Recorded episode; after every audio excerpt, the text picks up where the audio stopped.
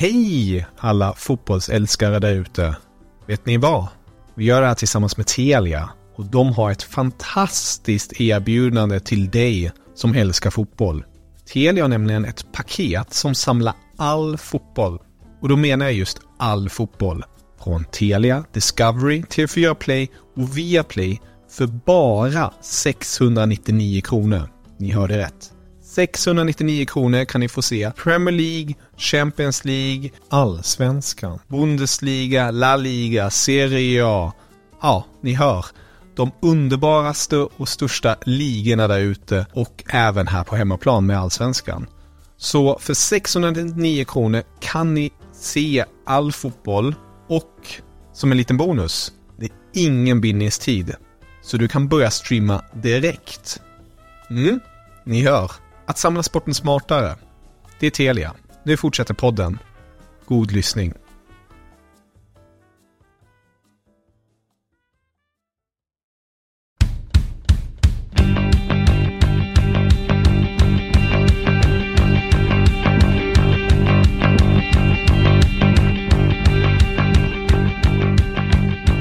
Det är måndag, veckans bästa dag och eh, vi är tillbaka med ett nytt avsnitt.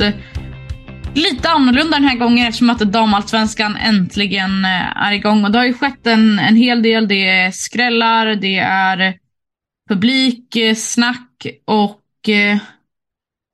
mycket, mycket mer. Mia, vad, vad tänker du om veckan som har varit? Jag tänker att den har varit härlig på alla sätt. Eh, började helgen med en match hemma i soffan, vilket är väldigt skönt på fredagskvällen. Härligt med damallsvensk premiär, det var ju verkligen premiären också. Eh, men sen så får man ju snabbt lära sig också när man ska titta på fotboll på plats att det fortfarande är mars eh, i Sverige och att det kan komma snö då och vara kallt. Lyckligt eh, lottad var väl jag då, som satt på Tele2 med ehm, stängt tak. Så att det var faktiskt inte jätte, för mig. Men jag fasar över nästa vecka. Jag tror att det kommer bli, bli kallt då. För då är det nog ingen pressläktare som är inomhus på något sätt. Så att eh, ja, det kommer bli kallt. Men eh, jag tänker att vi kan gå igenom resultaten lite. Eh, vi börjar där då. Um, och sen så kan vi diskutera lite händelser och så. För jag tycker det är ändå en del grejer som har hänt.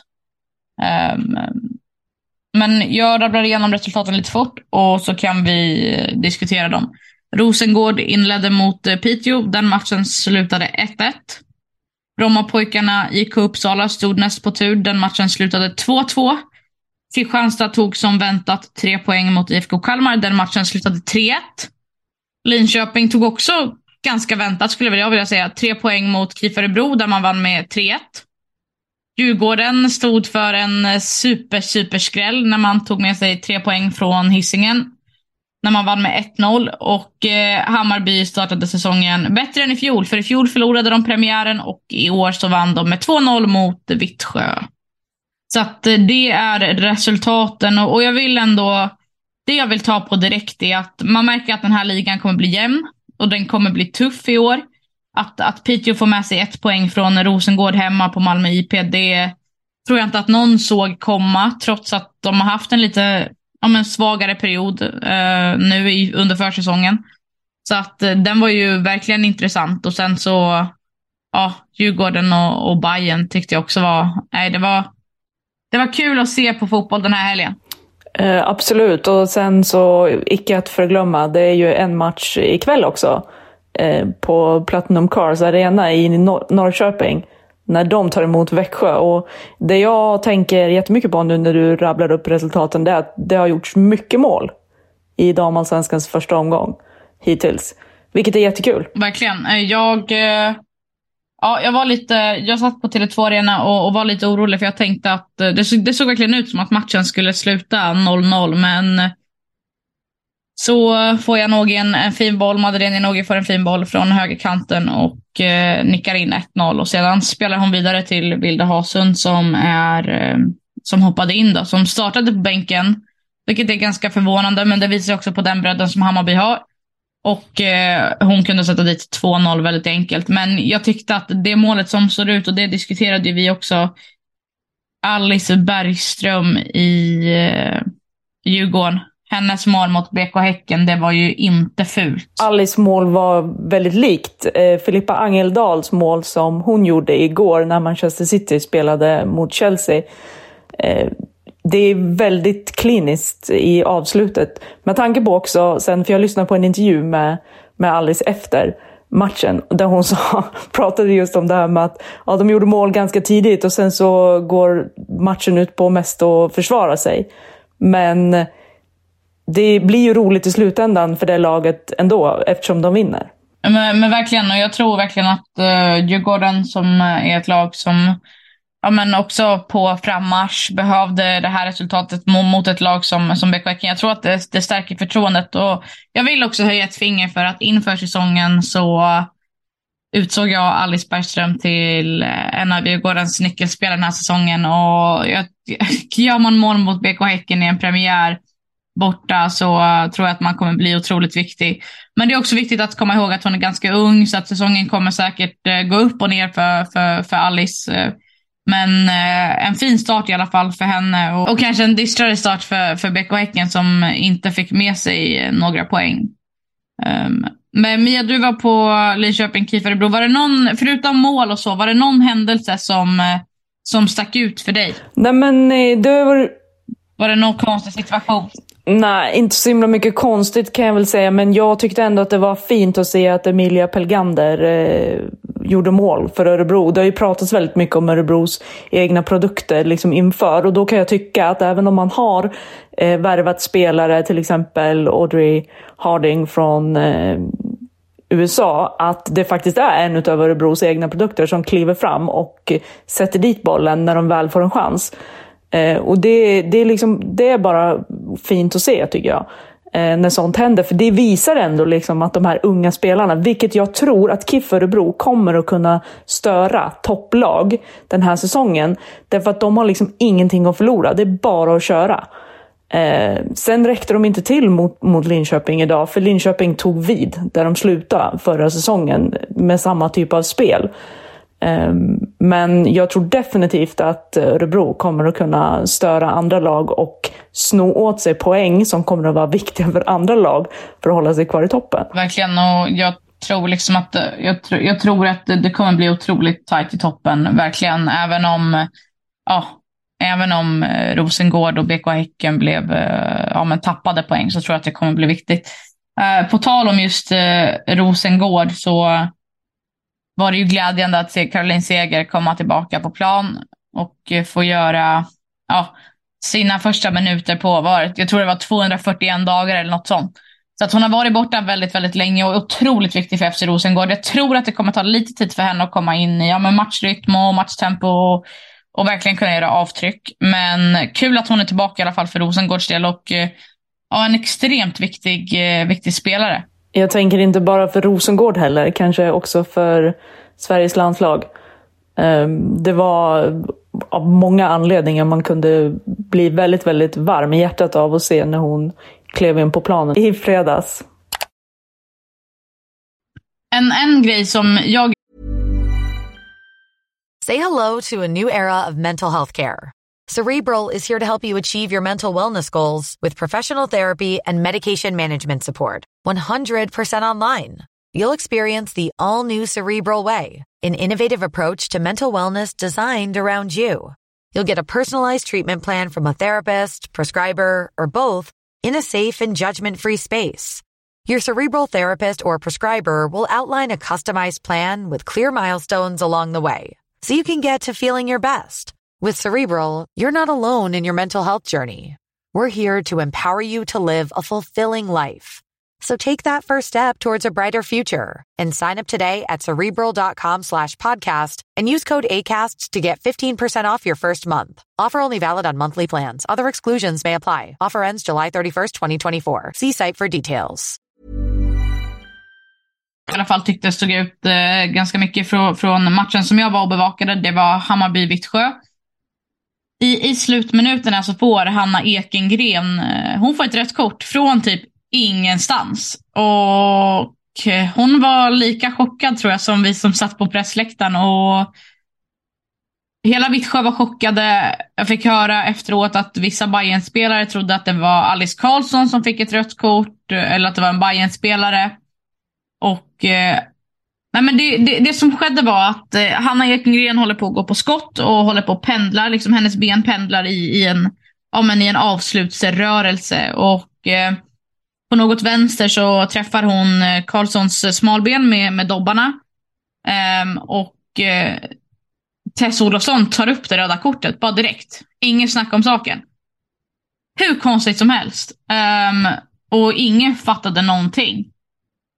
Och ja, nej, Hanna berättade efteråt att um, hon inte förstod. Och hon var lite så här, vad, vad skulle jag ha gjort annorlunda? Um, och Linda Sällström berättade att hon inte förstod. Hon var mer så här, ja vad ska hon göra annorlunda? Det var en märklig situation. Och allt vad det var. Och, och, det som är att efter så försökte jag, för Tess Olofsson gick ju förbi den mixade zonen för att, eh, ja men, för att ta sig till eh, sin buss eller sin taxi eller vad det nu var. Och då försöker jag få liksom kontakt med henne. Men eh, hon vägrar svara. Så att eh, hon går ju bara och säger, jag har ett plan som jag ska med och sen så drar hon. Och då ser man hur Vittsjöspelarna står och om det var Linda Sällström som sa, ja, hon bara slank förbi. Hon rymde typ. Eh, så att de var inte heller jättenöjda med, med det beslutet. Och det betyder ju att eh, Ekengren är avstängd nästa vecka om disciplinnämnden inte kommer med något annat beslut. Ja, den kanske kändes lite sådär i en premiär. Men mm. mer intressant att ingen spelare förstod varför kanske. Kommunikationen där. Ja, verkligen. Kanske var det också öronbedövande ljudet på läktaren som kanske förstörde kommunikationen mellan domare och, eh, och spelare. Jag tänker att vi, vi pendlar över på det för att eh, Hammarby är som vanligt väldigt, väldigt bra på det här med publik och att locka sina supportrar eh, till plats. 6125 eh, åskådare befann sig på Tele2 Arena när Hammarby öppnade upp eh, sitt damallsvenska spel mot, eh, mot Vittsjö. Och eh, de sjöng verkligen från matchminut 1 till matchminut 94, 95. Jag tror det var fem plus eh, fem övertidsminuter, alltså där stopptidsminuter. Och eh, ja, men de sjöng verkligen hela, hela vägen. Och då ska jag berätta för er som inte vet, eller som inte har koll på publiksiffrorna runt om i damallsvenskan den här helgen. Och det är att de som var närmast 6125 åskådare, det var BK Häcken och Djurgården med 960 åskådare. Det är, de når inte tusen. Och det, ja, alltså jag tycker att det är helt sjukt faktiskt.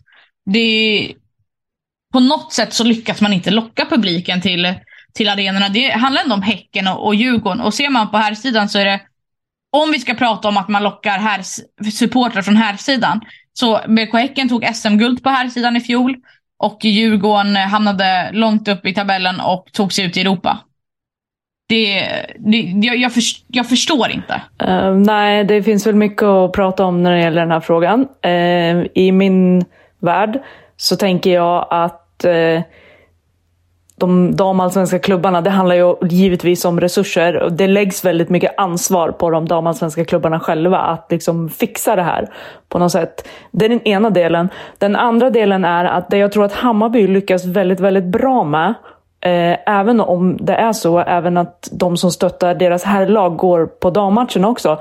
Men det är att de lyckas verkligen marknadsföra sina eh, hemmamatcher som en upplevelse. Alltså kom och upplev damfotboll eh, när Hammarby spelar. Jag hör, ingen jag hör inte och jag ser ingen annan klubb kommunicera det på det där viset. Det handlar om upplevelsen. Visa bilder på hur det kan vara att sitta i en publik på Tele2 Arena när Hammarbys damlag spelar match. Eh, istället för att bara tala om att det är match, om du förstår vad jag menar nu. Att säga liksom att det är match i helgen, kom och stötta vårt lag. Då, du bara informerar. Det säger ingenting. Jag får inga känslor av det överhuvudtaget. Eh, jag vet inte hur det är att vara där om jag inte har varit på en match innan när eh, två damlag har spelat. Hur är det? Och hur kan jag få en känsla för det? För att ta det där beslutet att nu går jag eh, och tittar. Och eh, det är, vi har pratat om det här förut, liksom, du och jag, men att Hammarby är bäst i landet på det. Med det sagt så är det också så att det Hammarby gör, det kommer att hjälpa de andra klubbarna runt om i landet. För att man marknadsför inte bara upplevelsen av att vara och titta på när Hammarby spelar fotboll. Man marknadsför också upplevelsen av att vara på en damfotbollsmatch rent generellt. Ja men verkligen. Jag, jag tror att så här, jag tror att vi är på väg mot eh, ett skifte också inom damallsvenskan. Och klyschigt att säga det, men Rom byggdes inte heller på en dag.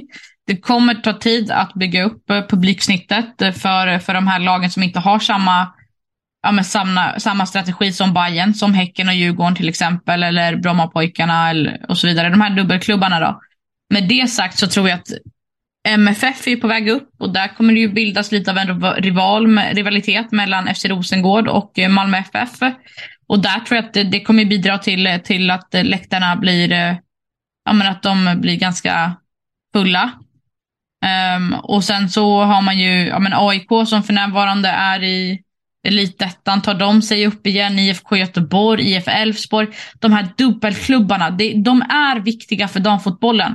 Det är charmigt, ja. Det är så fruktansvärt charmigt med Kristianstad och KIF Örebro.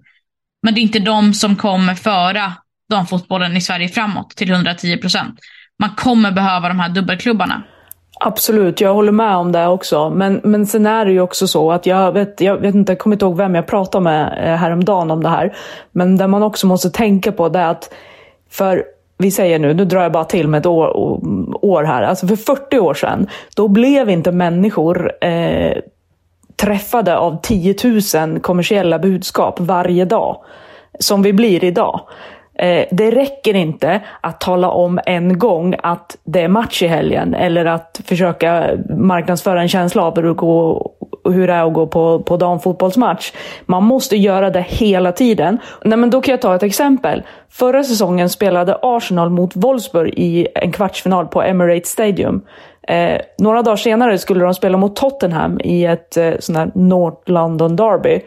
Och man kan ju tänka sig att en Champions League-match är mer attraktiv än en ligamatch mot Tottenham som man vet att Arsenal kommer vinna. Men så var inte fallet. Och i efterhand så pratades det väldigt mycket om det här. Och det var att Arsenal marknadsförde inte Champions League-matchen lika mycket som de gjorde med London-derbyt.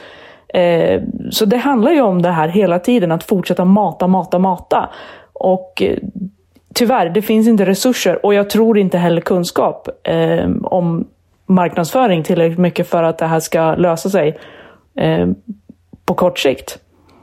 Lite snabbt också innan vi tackar för oss för idag. Så kommer vi med en liten uppdatering kring det här med kollektivavtalet. Kollade man på de damallsvenska drabbningarna i, i helgen så kunde man se hur spelarna markerade efter att domaren blåst igång matchen och ställde sig i en ring och kramades eh, om. Det, det gjorde man då eftersom att kollektivavtalet fortsatt inte är på plats och att spelarna då alltså spelar utan något direkt skyddsnät. Eh, arbetsgivaralliansen och spelarföreningen har fortfarande inte kommit överens om någonting samtidigt som Arbetsgivaralliansen står fast vid att man inte kommer att eh, förhandla med spelarföreningen. Samtidigt som man säger då att eh, ja, man säger att man tror inte att spelarna har fått hela sanningen av spelarföreningen. Och eh, spelarföreningen menar att de tycker att, eh, men, eh, ja, de tycker att eh, det är spelarnas val och att spelarna ska få välja vem som ska förhandla åt dem. Men eh, att de fortsatt står fast vid att eh, det är de som ska förhandla. Så att det är lite he said, she said, eh, lite alla mot alla, arbetsgivaralliansen mot, eh, mot spelarföreningen och så vidare och så vidare. Och eh, ja, men det blir ju intressant. Jag, jag förstår perspektivet att eh, så här, spelarna ska få välja och att spelarföreningen ska få, ja, men få representera spelarna som de gjort under alla år. Samtidigt förstår jag också det perspektivet där, där eh, ska man ha ett kollektivavtal då blir man starkare som enhet idrott alltså. Och inte bara enhet damfotboll. Så att, eh, jag förstår båda perspektiven och det ska bli intressant att följa men förhoppningen är ju att eh, ett kollektivavtal kommer på plats så fort som möjligt så att spelarna kan få säkerheten? Ja, den där frågan känns ju som att det går...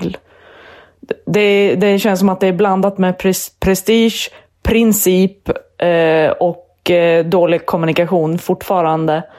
Eh, vi får väl se och hur det kommer lösa sig. Men det är klart att jag, jag hoppas i alla fall att frågan löser sig. Hur den löser sig spelar ingen roll, men det måste fixas bara. Med det sagt är vi tillbaka som vanligt nästa vecka. Måndag, samma tid, samma kanal, samma allt. Vi finns som vanligt under hashtaggen DF2ZE. Um, ehm, och eh, under Twitter, Instagram, allt vad det är, sociala medier. Så heter jag Amanda E. Sasa och du heter? Mia understreck Eriksson på Twitter. Ciao!